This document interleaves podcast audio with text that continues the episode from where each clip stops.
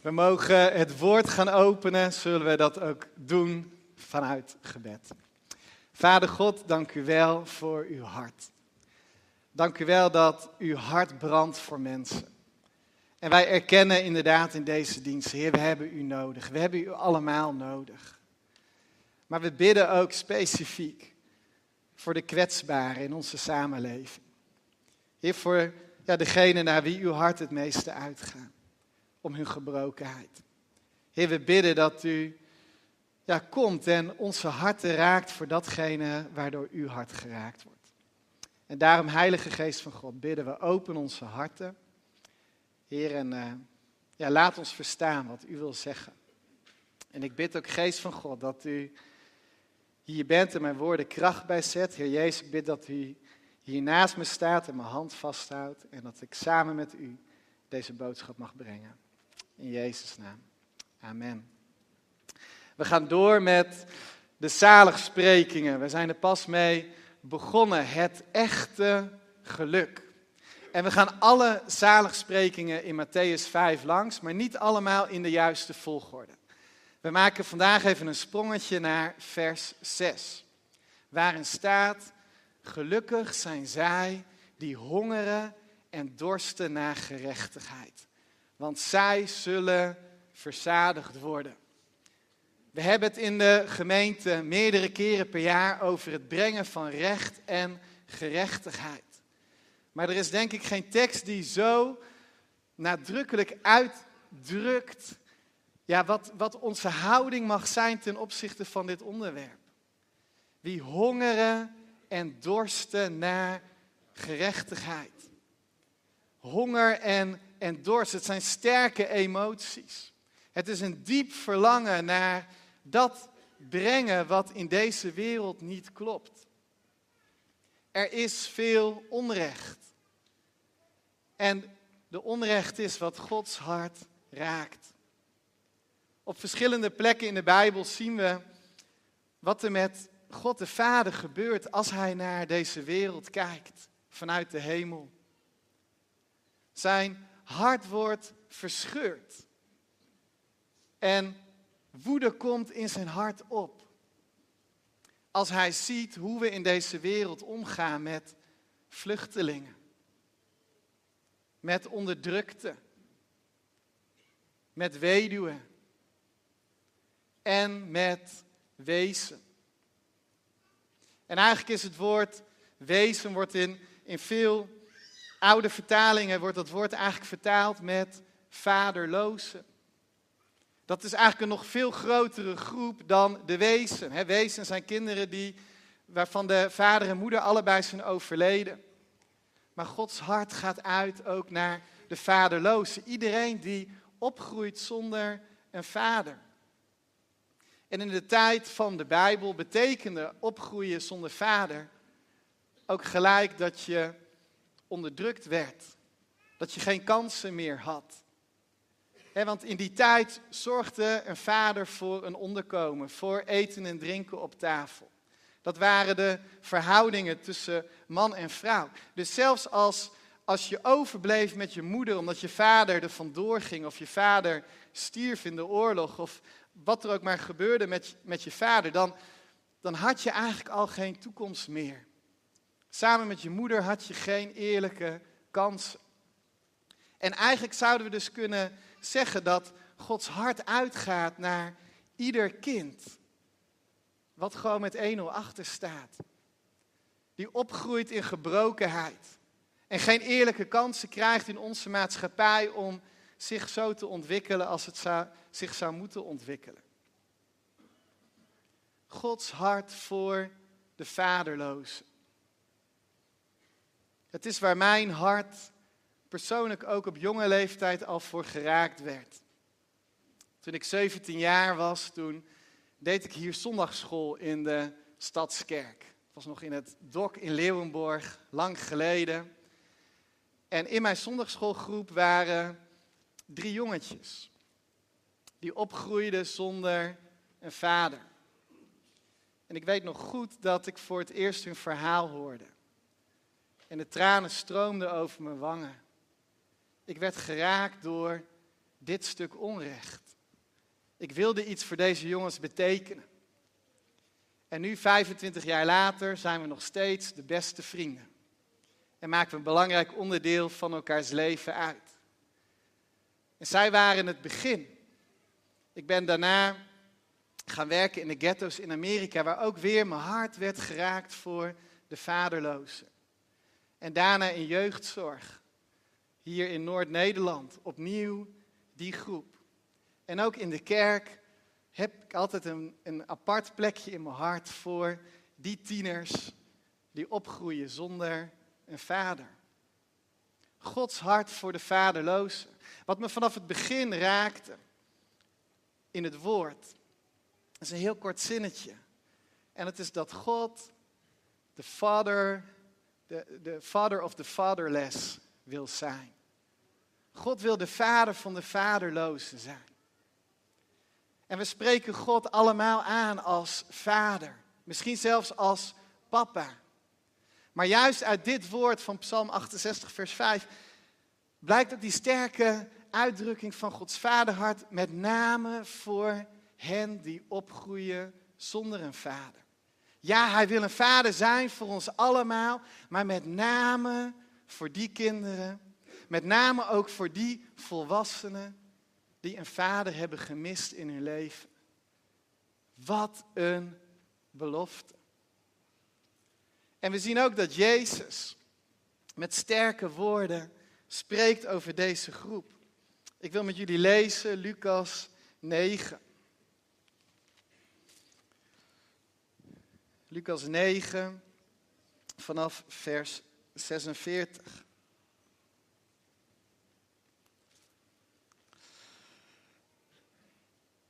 En er staat, ze, de discipelen, begonnen onderling te reden twisten over wie van hen de belangrijkste was. Ze begonnen te discussiëren. Waar ging hun discussie over? Nou, we zien in dat gedeelte daarvoor dat, dat de avond, ja, voordat ze deze ruzie kregen, Jezus besloot om de berg op te gaan. En hij nam drie discipelen mee. Petrus, Johannes en Jacobus. Waarom deze drie? Waren zij soms belangrijker dan de anderen? En daarnaast zien we dat als Jezus terugkomt van de berg, dat is de ontmoeting met Mozes en Elia, de verheerlijking op de berg, dat als hij afdaalt op de berg, dat Jezus gelijk wordt vastgeklampt door een wanhopige vader. En die zegt, mijn zoon die, ja, die, die lijdt onder aanvallen van demonen. En ik, ik ben al naar de negen overgebleven discipelen gegaan om hun hulp in te schakelen, maar ze konden niets doen. En Jezus die spreekt die discipelen dan streng toe. Wat een ongelovig en, en koppig volk zijn jullie toch ook. Wanneer begrijpen jullie het nou eens? En misschien dat Johannes en, en Jacobus en Petrus wel dachten, nou wij hadden dat toch wel anders aangepakt dan die negen. Hoe het ook zij, in ieder geval raken ze met elkaar in een discussie. En ik kan me voorstellen dat Petrus, Johannes en Jacobus dachten, wij zijn toch wel belangrijker dan de rest. En er ontstaat een conflict. En Jezus, die merkt dat. En Jezus reageert zoals alleen Jezus kan reageren. Weer totaal anders dan we verwachten. Hij doet namelijk geen uitspraak over wie het belangrijkste is, maar, vers 47, Jezus merkte wat hem bezighield en hij nam een kind bij zich dat hij naast zich neerzette. En hij zei tegen hen, wie dit kind in mijn naam bij zich opneemt, neemt mij op. En wie mij opneemt, neemt hem op die mij gezonden heeft. Want wie de kleinste onder jullie allen is, die is werkelijk groot. Jezus komt weer verrassend uit de hoek. Wil jij belangrijk zijn voor Jezus? Dat willen we toch allemaal? Dat is toch de reden waarom we hier vandaag zijn gekomen? We willen toch dat Jezus boven ieder ander, dat Hij blij met ons is? Jezus zegt, als je werkelijk belangrijk wil zijn in mijn ogen, dan maakt het niet uit hoeveel tijd je hebt doorgebracht in gebed op de berg. Dan maakt het niet uit hoeveel demonen jij in zijn naam hebt uitgedreven. Dan maakt het niet uit welke dingen jij doet die groot zijn in de, in de ogen van mensen. En oh, wat kunnen wij dat ook goed als christenen doen? Heb je daar gehoord, die is genezen, die is bevrijd, Gods geest is daar krachtig bezig en halleluja, het is prachtig om het koninkrijk van God op die manier te zien doorbreken. Maar Jezus zegt, wil je werkelijk belangrijk voor mij zijn? Kijk dan naar dit kind. Ontvang dit kind in mijn naam. Want als je dit kind ontvangt, dan ontvang je mij. En als je mij ontvangt, dan ontvang je de Vader in de hemel. Dan ben je werkelijk groot. Gods hart gaat uit naar het kwetsbare, naar het kleine, naar datgene wat over het hoofd wordt gezien. En lieve broers en zussen, er zijn in deze wereld veel kinderen en tieners die over het hoofd worden gezien. Een aantal jaren geleden was ik in Zuid-Afrika. En op een zondag bezocht ik daar uh, de Hillsong Church in Kaapstad. En wat ik nog goed herinner van die dienst, is dat de pastor op een gegeven moment daar vertelde. Toen wij hier begonnen in Kaapstad met de kerk, toen was ons verlangen om iets te doen voor recht en gerechtigheid. Dat vind ik zo mooi aan, aan de Hillsong Kerk wereldwijd. Overal waar ze komen, zoeken ze hoe kunnen wij in deze stad verschil maken? Hoe kunnen we op deze plek recht en gerechtigheid brengen? En ze hadden bedacht, we gaan naar Afrika, dus laten we, laten we weeshuizen gaan neerzetten. Zuid-Afrika vol met weeshuizen. En ze dachten, wij gaan dat bekostigen, wij zorgen voor de financiering ervan, zodat veel kinderen die, die opgroeien zonder een veilige plek, daar kunnen gaan wonen. Maar toen ze met de deskundigen in gesprek gingen over hun plannen, toen zeiden de deskundigen, wat we werkelijk nodig hebben in ons land, waar we echt behoefte aan hebben in deze stad, is niet nog weer een weeshuis. Want die kinderen, die hoeven niet naar een weeshuis als er genoeg gezinnen zijn waar ze mogen wonen. Een weeshuis is niet de beste plek voor een kind om op te groeien. Maar een liefdevol, warm gezin met een eigen vader en een moeder. Waar wij echt behoefte aan hebben in onze stad, zeiden deze deskundigen, is aan meer pleeggezinnen. En heel zo'n Kaapstad besloot om niet weer een nieuw nieuw huis te gaan bouwen voor kinderen, maar om in hun midden, in hun leden, pleeggezinnen te gaan werven. En ze zorgden voor de toerusting en de opleiding en ze zorgden ook voor de financiering, zodat deze gezinnen financieel ondersteund werden in, ja, in de zorg en de opvang voor kinderen die in gebrokenheid opgroeiden. En toen ik daar was, waren er inmiddels tientallen gezinnen in deze kerk die zeiden ja, wij willen ons hart en wij willen ons huis hiervoor openstellen. En het raakte me zo. Want ik dacht, hoe mooi is het als, als mensen hun hart en hun huis openstellen. Niet vanuit een kinderwens voor hunzelf, maar juist omdat ze hongeren en dorsten naar gerechtigheid. Juist omdat ze verschil willen maken in een wereld waar zoveel stuk is. Juist omdat ze oog willen hebben voor het kleine, voor het gebrokene, voor datgene wat over het hoofd wordt gezien. En ook in Nederland is die nood er. Dat is niet alleen ver weg. Als wij ergens als kerk van Jezus Christus in onze maatschappij verschil kunnen maken, dan is het wel daarin. Ja, we hebben een overheid, een zorgstaat waar gezorgd wordt financieel voor de opvang van kinderen. En het kan ons ook al heel snel het gevoel geven als kerk dat wij achterover kunnen gaan zitten. En als het niet goed geregeld is in ons land, dan kijken we naar de overheid en dan zeggen we: Het deugt niet wat jullie doen en jullie moeten het beter doen. En misschien is dat deels waar. Maar waar de overheid kan zorgen voor beleid en voor geld, kan de kerk van Jezus Christus zorgen voor liefdevolle en warme harten. Voor liefdevolle en warme huizen. Voor veilige plekken waar deze kinderen mogen komen. Want in Nederland is dat ook hard nodig. Jaarlijks worden in ons land meer dan 22.000 kinderen voor korte of lange perioden opgevangen in pleeggezinnen. En dat zijn zo'n 17.500 gezinnen die hun harten hier en huizen hiervoor openstellen. Maar de vraag naar nieuwe pleeggezinnen blijft onverminderd hoog. Op 31 december 2021, dus het einde van vorig jaar, wachten nog bijna 900 kinderen op pleegzorg. En met name tieners vinden geen plek. Christine en ik hebben afgelopen week gekeken naar de documentaire van Janneke en de jeugdzorgtapes.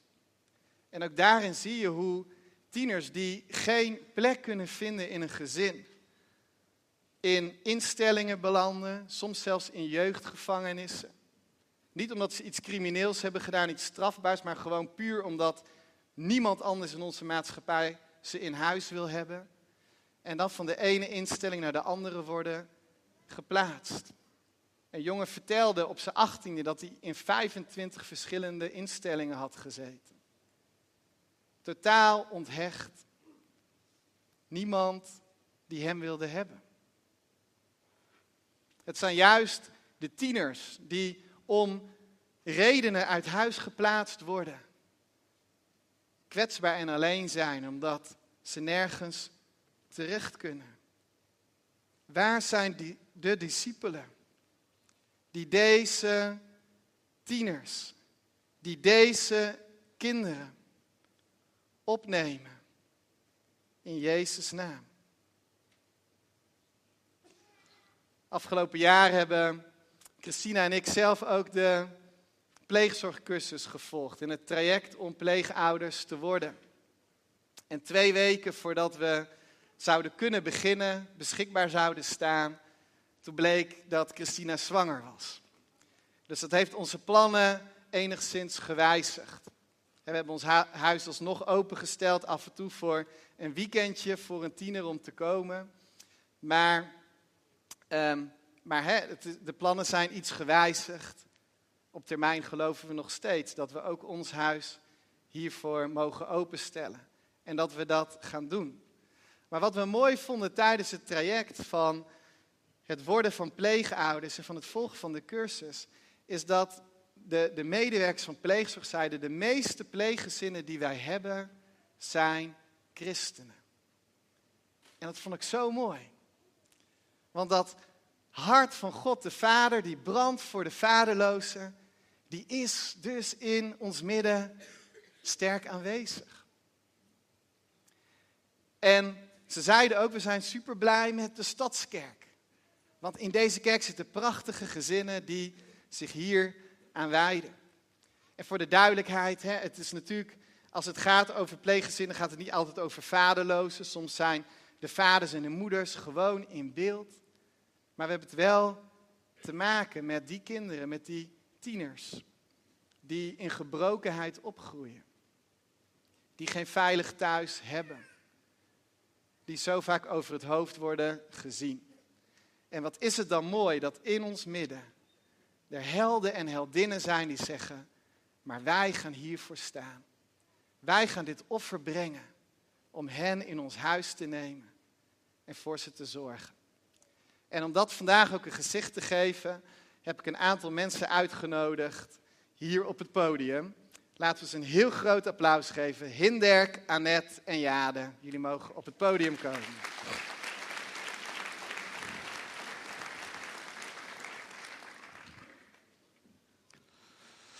Ga lekker zitten op de bank. Want ik kan natuurlijk heel lang hier praten. Maar jullie zijn degene die het allemaal hebben meegemaakt. En die ons echt vanuit eigen ervaring ook kunnen vertellen hoe pleegzorg eruit ziet. En uh, ik wil eigenlijk beginnen met jou, Hinderk. Want jij, ja, ik vind het eigenlijk extra dapper dat jij hier zit. Want jij, uh, jij bent uh, opgegroeid als pleegkind in een pleeggezin. Hoe oud was jij toen je in een pleeggezin terechtkwam? Ik was acht jaar. Acht jaar. En kun jij iets vertellen over de reden waarom jij in een pleeggezin terecht bent gekomen? Ja. Uh, omdat mijn ouders uh, niet goed voor mij konden zorgen. Ja. En hoe is dat toen gegaan? Ben je ergens aangemeld? Of hoe, hoe, hoe ben je terechtgekomen bij je pleegouders, familie Portinga? Ik ben uh, eigenlijk in een kinderthuis geweest. Winschoten, Drieversdalen, dus soort instelling eigenlijk. Ja. de Alerkamp in Onnen. En ja. toen heeft mijn pleegmoeder was daar begeleider eigenlijk. Die was daar je begeleider. Ja. En eigenlijk werd haar hart zo geraakt door jou dat ze dacht: deze jongen moet niet in dit huis wonen. Die heeft een mooi gezin nodig. Ja. En zo ben je mee. Klopt. Ja. Mooi. Annette, jij bent zo'n pleegmoeder. Overigens niet de pleegmoeder van uh, Hinderk. Maar uh, uh, ja, kun je iets vertellen over jullie gezin? Hoeveel kinderen hebben jullie in huis? Nou, ik uh, ben dus Annette Noordhuis inderdaad. En ik uh, ben getrouwd met Frans. En wij uh, doen 15 jaar pleegzorg. We hebben vijf kinderen zelf. Vijf biologische kinderen, waarvan de jongste zeven en de oudste 21. Er is net eentje getrouwd, een hele lieve schoondochter. En we hebben op dit moment drie pleegkinderen in een leeftijd van twee van tien en één van veertien. Ja. En hoe ben je daar nou mee begonnen? Heb jij een hele sterke roeping van God ontvangen om dat te gaan doen? Of hoe is het bij jou gegaan? Of bij jullie? Nou, dat begon eigenlijk, wij hebben inderdaad een hele sterke, roeping ervaren. Dat begon uh, in het tijd dat ik uh, werkte in het onderwijs en lid werd van deze gemeente. Dus mijn hart aan Jezus gaf en mijn baan kwijtraakte. En ik dacht eerst, dat ga ik je niet vertellen, maar ik besefte tijdens deze dienst zo net onder de liederen dat die, dat die gebeurtenis eigenlijk ervoor heeft gezorgd dat vanwege dat verdriet, waar uh, kerkmuren uh, soms verhinderen dat je uh, kunt blijven werken, in mijn geval dan, dat, en dat door het stoppen met onderwijs, dat er, ja, ik kwam thuis te zitten en ik miste dat heel erg en ik had, ik had nieuwe invulling in mijn leven nodig. Maar goed, we kregen ook in diezelfde tijd drie kinderen in vier jaar, dus het was wel een beetje heftig. En wij, wij, ontdekten dat we, dat we dat eigenlijk ook wel heel goed konden, dat het prima ging en dat we heel graag samen thuis waren. En toen zijn we, gaan, uh, zijn we aan de slag gegaan met een plan en eigenlijk kwam dat niet van de grond. Na een jaar zei een broer hier uit de gemeente, misschien moeten jullie stoppen, want dit is niet Gods plan voor jullie. Want het gebeurt gewoon niet. Dus toen uh, gingen we samen bidden van, hè, wat is dan wel, wat is wel Gods plan? Wat, wat mogen wij dan wel doen voor, voor God in, in, in zijn koninkrijk? En uh, daar gebeurde iets heel bijzonders, want ik was op een avond alleen thuis en ik, ik, ik, ik zat een beetje achter de computer en ik, ik uh, was wat aan het googlen. En ik was wel heel gericht aan het googlen, want er gebeurde wat met een van de kinderen en ik, ik was aan het zoeken naar wat informatie. En zo kwam ik terecht op een, op een pleegzorg website en daar stonden allemaal ervaringsverhalen van pleegouders op. En dat raakte mij enorm. En voor ik het wist, was ik de hele avond aan het lezen. En was het zo met 12 uur en dacht ik, ja, dit is niet handig. Ik moet morgen op tijd opstaan. Ik, ik druk op uh, de knop printen en ik zie dat morgen wel weer.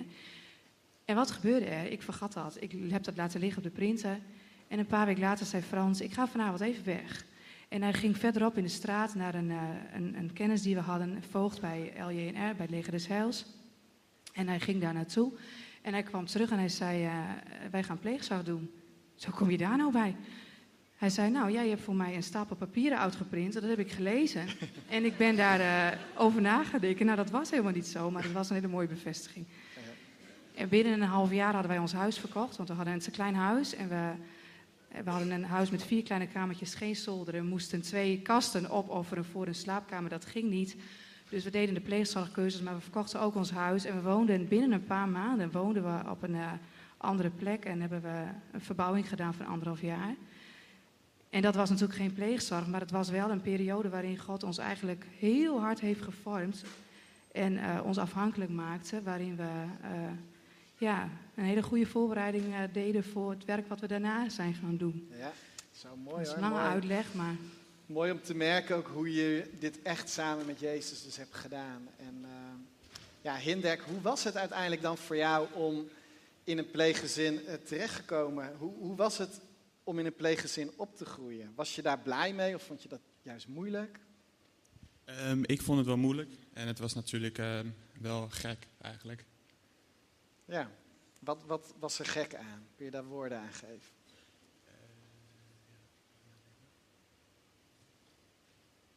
Alles was eigenlijk een beetje nieuw. eh, verjaardagen, eh, familie, want dat had ik eh, ook niet echt. Nee. Eigenlijk kom je dus ook gewoon in een voor jou vreemde omgeving terecht, bedoel Ja. je? Ja. Ja, ik kan me voorstellen dat dat veel impact heeft gemaakt. Jade, jij zit hier ook en jij, jij hebt eigenlijk weer een hele andere kant van dit verhaal. Want eh, jouw ouders die hebben eh, twee pleegkinderen in huis genomen. Eh, hoe Klopt. oud was jij toen dat gebeurde? Ehm, bij mijn broertje was ik, mijn pleegbroertje was ik zeven. En hij was acht dagen. Dus dat voelde heel natuurlijk voor mij. Want ik wou altijd al een broertje als zusje. dus ik was super blij. En omdat hij zo jong was, ja, ging dat gewoon heel natuurlijk. En bij mijn zusje was ik 13, denk ik. En die was toen 3,5. Dus dat was, eh, ja, het had gewoon wat meer tijd nodig. Maar nu maakt het geen verschil meer. Nee. Nee. Nou, maar ik kan me best voorstellen dat je ook als zus dus, dus ruimte moet gaan maken in je huis. Want eerst zijn jij en je broer en ineens komen er meer mensen bij. Hoe, was dat voor jou? Ehm, nou, bij mijn broertje ging het dus heel normaal. En ik vond het gewoon niet super leuk. Dus dat ging heel geleidelijk en natuurlijk. En bij mijn zusje. Ja, tuurlijk, het kost gewoon wel wat tijd. Dat iedereen zijn eigen plekje weer moet vinden. Maar persoonlijk.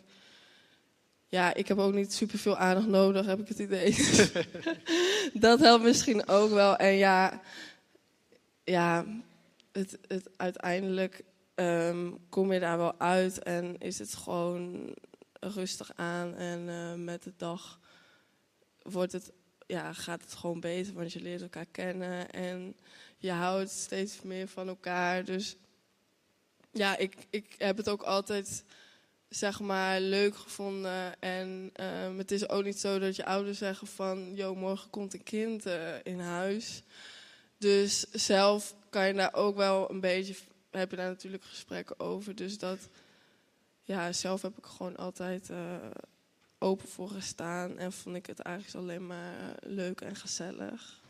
Je bent er echt goed in meegenomen door je ouders. Ja. En, eh, en hoe Ja. is je relatie nu met je pleegbroertje en zusje? Ja, ik heb dus ook nog een oudere broer. En ik dacht het dus afgelopen week even aan van... Eigenlijk zie ik helemaal geen verschil. Ehm, ja, natuurlijk misschien dat mijn oudere broer... We hebben natuurlijk onze eigen ouders en dat voelt... Nou, eigenlijk voelt het niet anders voor mij. Ehm, alleen zijn mijn broertje en zusje jonger. Ja. Dus ja. Ze zijn helemaal opgenomen in jullie gezin. Ja, voor mijn gevoel wel. Ja, Ja, mooi. ja hoor. En ja, ik kan me voorstellen dat het voor je als moeder toch ook weer anders is dan als, als zus. Omdat je natuurlijk ook die verantwoordelijkheid draagt.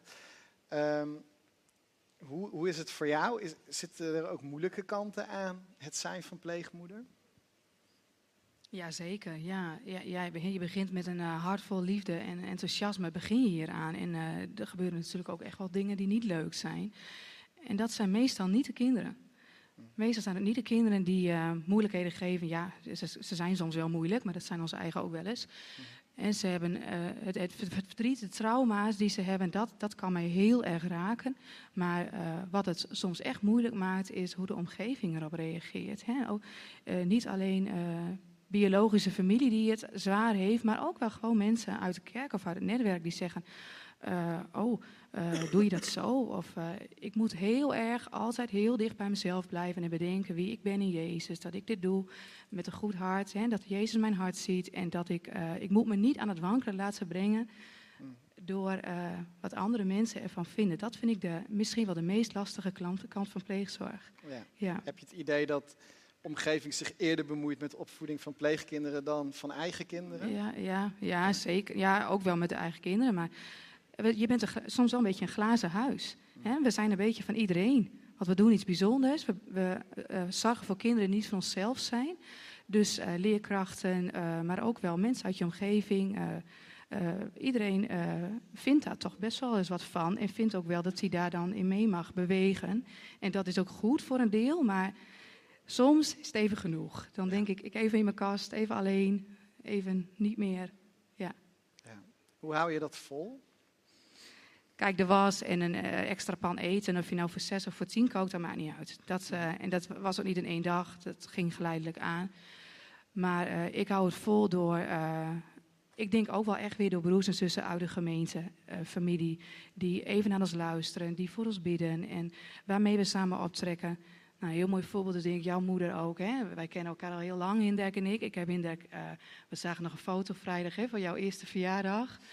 En ehm, ik weet helemaal niet meer wat er in het cadeautje zat, wat er op, de foto stond. Maar Alieke en ik hebben heel veel met elkaar opgetrokken. Elke donderdagochtend gingen we eh, even bij haar of bij mij thuis bidden voor onze man, voor onze kinderen, voor de pleegkinderen. En dat is zo goed geweest. Ja, ja. Denk ik met heel veel dankbaarheid aan terug. En nu zijn er weer andere mensen die, eh, die diezelfde rol vervullen. Maar dat is heel goed om te doen. Ja. Ja. En een laatste vraag aan jou, Annette. Wat heeft het je gekost en waar ben je dankbaar voor? Eh, het kost veel tijd, maar ja, dat is prima. Het kost ook wel eens echt een traan. En eh, laat ik hem dan vooral direct weer eh, het, terugleggen, die vraag. En wat heeft het ons opgeleverd? Als ik bijvoorbeeld kijk naar. ehm, eh, wij doen veel eh, plaatsingen in het vrijwillig kader. Ouders volledig meewerken aan de plaatsing bij ons. Dus in de optimale samenwerking met ouders proberen te eh, komen. En dat vind ik het aller, aller, allermooiste. Als ik met een moeder optrek en ik zie dat, ze, eh, dat de relaties met eh, haar kind verbetert. En dat wij in een sterkere vertrouwensrelatie komen. En dat moeders bij ons kunnen komen eten. En we hebben nu zelfs een slaapafspraak bij ons thuis. Dat vind ik heel erg mooi. En als het dan zelf zover komt dat je een kind kan gaan terugplaatsen. Nou, als, als je dan vraagt wat kost het je, dan, dan. We zijn ook wel eens direct op vakantie gegaan. En hebben een hele week gehuild. En dan kost het veel, ook aan onze eigen kinderen. Dan, dan rouwen we met elkaar. Ja. Ja, die kant is er ook. Ja. Ja, Dus dan is het voor het kind beter om, om terug te gaan, maar dat doet ook iets met je eigen verlies en eh, afscheid. nou, we hebben een aantal situaties gehad waarin een kind, eh, waarin we wisten van, eh, dit kind heeft heel veel heling nodig. Het thuisgezin ook, daar is hulp nodig. Maar met die hulp kan het echt gaan lukken om uiteindelijk terug te gaan. En dat is natuurlijk het aller, allermooiste. Ja. Want we krijgen kinderen niet voor onszelf. Nee. Ook onze eigen kinderen, die krijgen wij niet dat ze ons plezieren of ons, eh, ons leven gaan vullen met liefde. Eh, Het is andersom. Wij eh, dienen de kinderen. Wij zorgen eh, als we een kind van God krijgen, of het nou je eigen is of van iemand anders. Het is de bedoeling dat wij de kinderen dienen en ze liefde geven. En dat is ook weer afscheid nemen en loslaten. En met je eigen kinderen krijg je twintig jaar de tijd en deze gaan soms al eerder. En dan terug naar de situatie waar, het, waar ze horen. En dat is denk ik. eh, en als dat lukt, en je hoort dan later dat het nog steeds lukt. En dat het hele netwerk er heel, helemaal gelukkig mee is. Ja, dat is prachtig. Heel ja, mooi. ja, dat vind Ja. ik heel mooi. Maar het doet ook wel heel, heel veel pijn, want je mist kinderen. Ja. Dankjewel. Hinderk, als laatste, hoe gaat het nu met jou en hoe is de relatie nu met jouw eh, pleegouders? Ja, het eh, gaat eh, goed met mij. Eh, de relatie met mijn pleegouders is eh supergoed. Eh, ik ga er elke zondag heen. En eh, als er iets aan de hand is, dan kan ik altijd bij hen terecht. Mooi. En mijn broers en zussen, pleegbroers en zussen, eh, is net een soort familie voor mij. Dus zelfs nu je jong volwassene bent, heb je nog steeds een hele sterke band met ze. Ja, klopt. Mooi. Nou, bedankt voor jullie eh, prachtige verhalen. Zullen we ze nog één keer een heel groot applaus geven? En jullie mogen gaan zitten.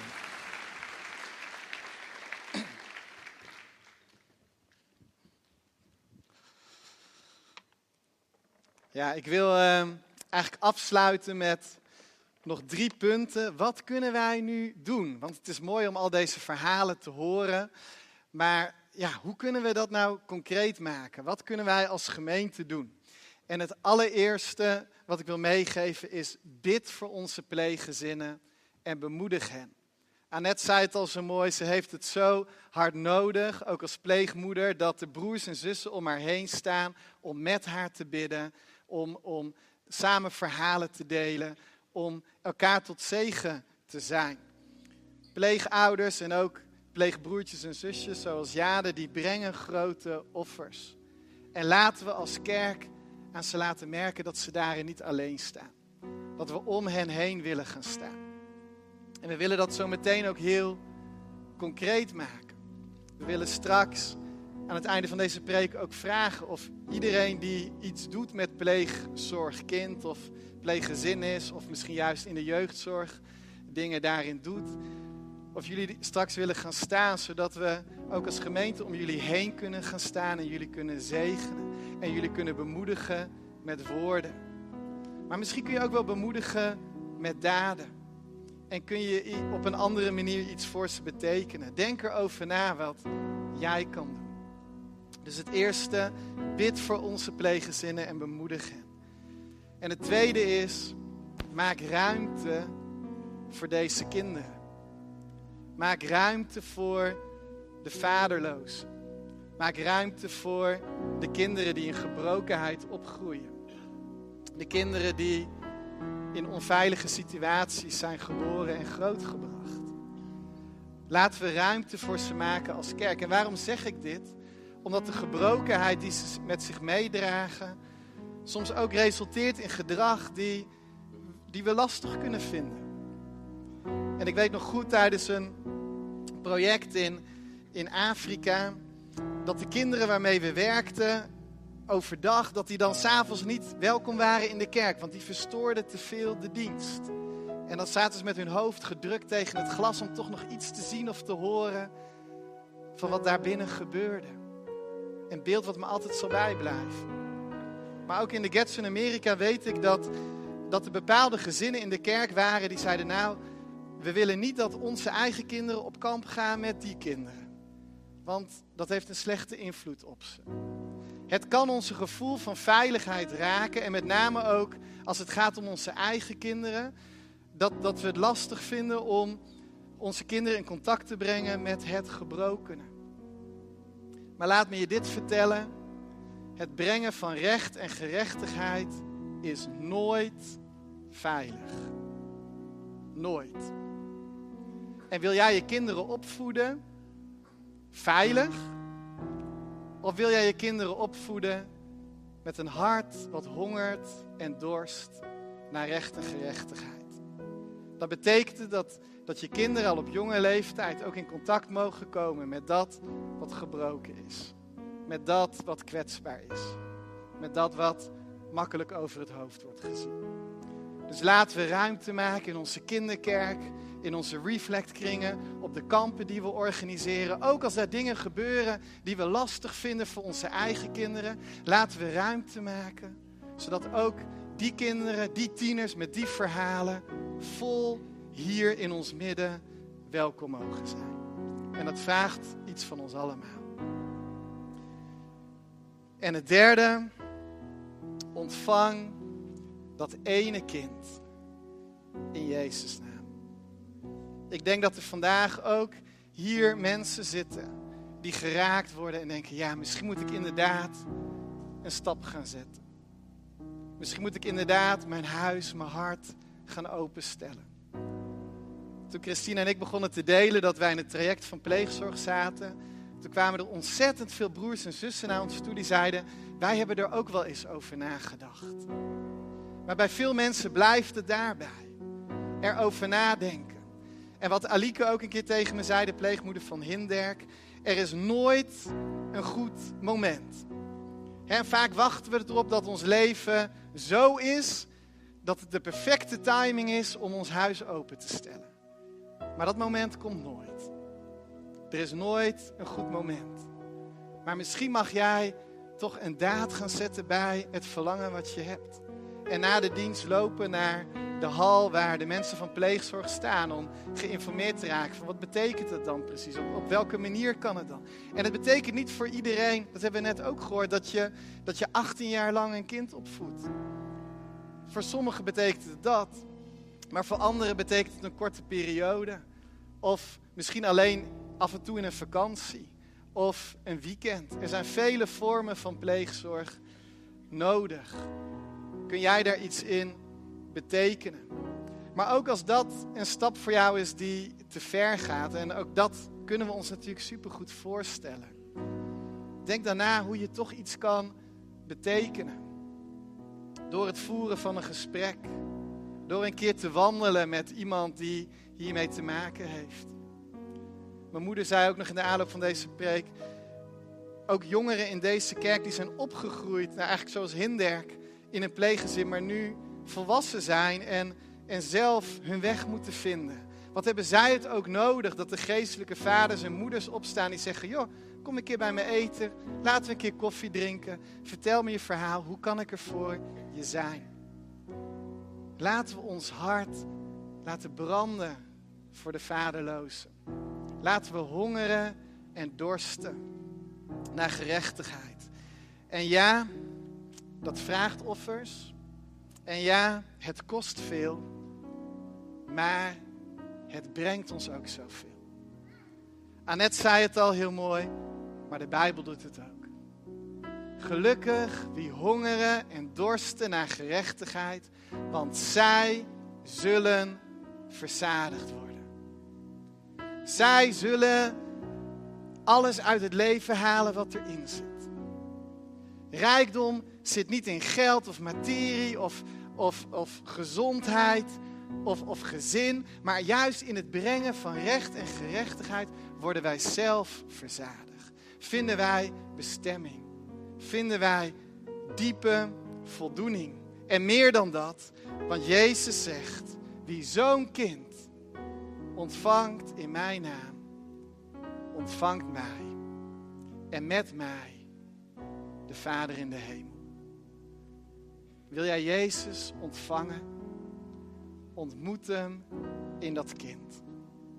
Want in dat kind zie je wie Jezus is. En Jezus is alles wat wij willen. En alles wat we verlangen. En alles wat wij nodig hebben. In Jezus' naam. Amen. Zullen we samen bidden? Vader God, we danken u voor uw vaderhart. We danken u dat u ons heeft geadopteerd in uw gezin. Waar we ooit vijanden waren van u in ons eigen leven leiden, heeft u ons naar, naar u toegetrokken. En ons aangenomen, ontvangen in uw gezin. Dank u wel dat we ons nu kinderen mogen weten van u. En we bidden dat wat u voor ons heeft gedaan, dat wij dat ook weer mogen doorgeven in de wereld waarin we leven. In deze maatschappij, in dit land. Heer, we bidden dat onze harten mogen hongeren en dorsten naar gerechtigheid zoals uw hart hongert en dorst naar rechte gerechtigheid. We bidden dat we u, uw hart voor de vaderlozen, voor het gebrokene van hen die over het hoofd worden gezien. Dat we ook dat hart mogen voelen, kloppen in ons binnenste. Open onze ogen voor wat u ziet en breek onze harten voor wat uw hart breekt. Heer, maak ons een kerk die opstaat voor recht en gerechtigheid. Ver weg, superbelangrijk. En dat willen we ook blijven doen, maar ook dichtbij. Laat ons opkomen voor die kinderen en die tieners die het idee hebben dat ze er helemaal alleen voor staan. Dat ze overgeleverd zijn aan zichzelf. Vorm ons als, als geheel. Vorm ons ook in onze eigen gezinnen thuis. Leer ons hoe wij brengers van recht en gerechtigheid mogen zijn. Hoe we verzadigd kunnen worden door te doen wat u van ons vraagt. En dat bidden we in Jezus' naam. En ik wil inderdaad vragen, wat ik net al aankondigde. Dat iedereen die in deze zaal pleegkind is of was, omdat je voor lange of, of korte tijd bent opgegroeid in een ander gezin dan waar je in geboren bent. Dat iedereen hier in de zaal die pleeggezin is of gezinshuis of, of een zorgboerderij leidt, of een kind heeft geadopteerd of meerdere kinderen heeft geadopteerd in het verleden of misschien uh, recent. Dat iedereen die werkt in pleegzorg of in jeugdzorg.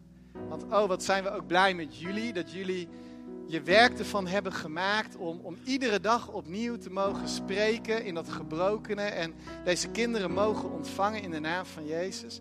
Of iedereen die in een van deze drie groepen valt of die wil gaan staan.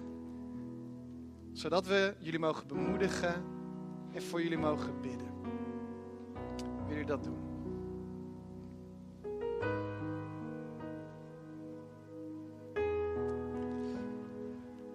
En dan wil ik gewoon vragen aan uh, de mensen die eromheen zitten om uit je rijen te komen. En even kort te vragen aan de mensen die staan. Op welke manier en mag ik voor jou bidden? Ben jij een pleeg- of adoptiekind? Of ben je een pleeg- of adoptieouder? Of werk je in jeugdzorg? Even in één zin, van wat is jouw situatie? Niet te lang praten, dat mag na de dienst. Maar gewoon kort dat vertellen. En daarna, eh, als, als de persoon het goed vindt, onze handen op hem of haar leggen. Om ze te zegenen in de naam van Jezus. En hen te bemoedigen met zijn woorden. Dus laten we dat doen. Ga staan. Zoek de mensen op om wie het gaat. Vraag of je je hand op ze mag leggen. Vraag waarvoor je mag bidden. Laten we hen zegenen.